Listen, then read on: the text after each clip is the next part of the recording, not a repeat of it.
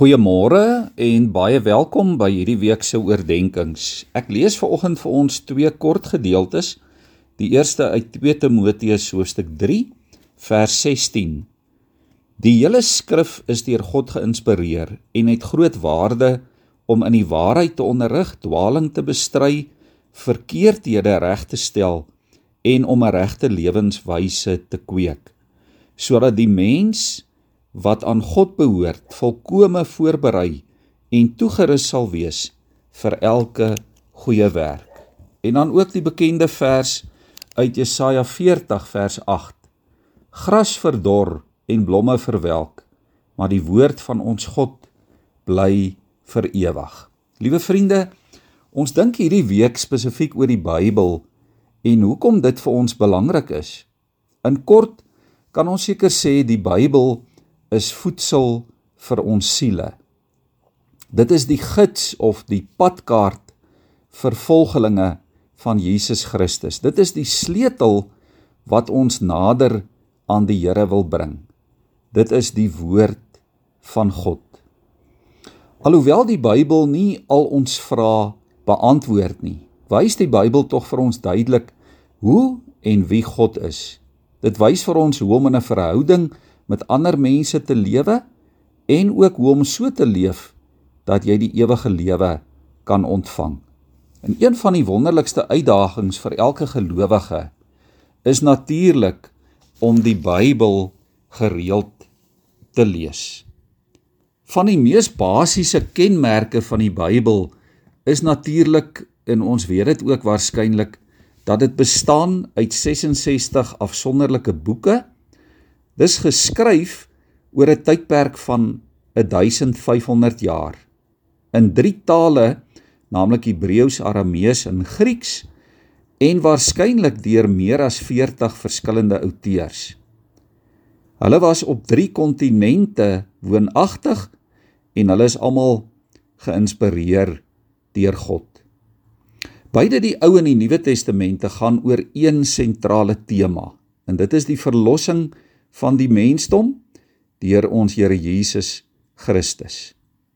Daar is meer as 300 profesieë in die Ou Testament wat die lewe en die werk van Jesus voorspel. En elkeen van hulle is in sy lewe en in Jesus se optrede vervul. Om die Bybel te bestudeer en te leer ken is 'n lewenslange poging. Ons moet altyd onthou wanneer ons met die Bybel besig is, dat ons tydelike mense is. Mense beperk in ons menslike insig wat probeer om 'n ewige God te verstaan. Dalk moet ons ook vra hoe ons lewens beïnvloed sal word as ons nie die Bybel lees nie. Dink jouself net in 'n situasie in waar jy dalk nog nooit 'n Bybel sou hê om te kon lees nie. Dit is amper vir ons as gelowiges ondenkbaar. Ons kom as mense die verskil agter as ons die dag nie Bybel lees nie. As ons die dag oorslaan om die woord van God te lees. Dit is soos om medisyne te gebruik vir 'n siekte toestand en dan sê jy dalk vir jouself ag hierdie medisyne maak tog nie 'n verskil nie en dan hou jy op om dit te gebruik. En kort voorlank kom jy die verskil agter.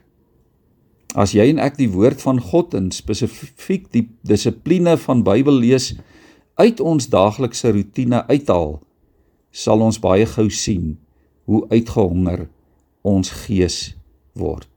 En daarom lees jou Bybel en bid elke dag want dit gee jou krag. Soos daardie ou bekende kinderlied ook sê. Liewe vriende, so sal jy en ek ook leer om God se woord in ons lewens toe te pas en leer om God meer te vertrou. Kom ons maak dit ons een van ons geestelike dissiplines om Bybel te lees, om vas te hou aan die woord van God en so ook toe te laat dat die woord van God ons vashou. Ons buig ons hoofde.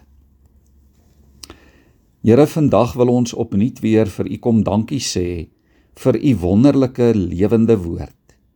Here, dankie dat ons so bevoorreg is. Die meeste van ons waarskynlik wat na hierdie boodskap luister, Here, by verre die meeste was bevoorreg om met 'n Bybel groot te word, om van kleins af, van kindsbeen af, Here, U woord te lees. Dankie vir ouers. Dankie vir grootouers wat ons daarin begelei het en vir ons 'n voorbeeld daarin gestel het. Here, dankie dat U U woord deur die eeue behoue laat bly het. Juis ter wille van ons, ter wille van ons redding en ter wille van ons geestelike lewe.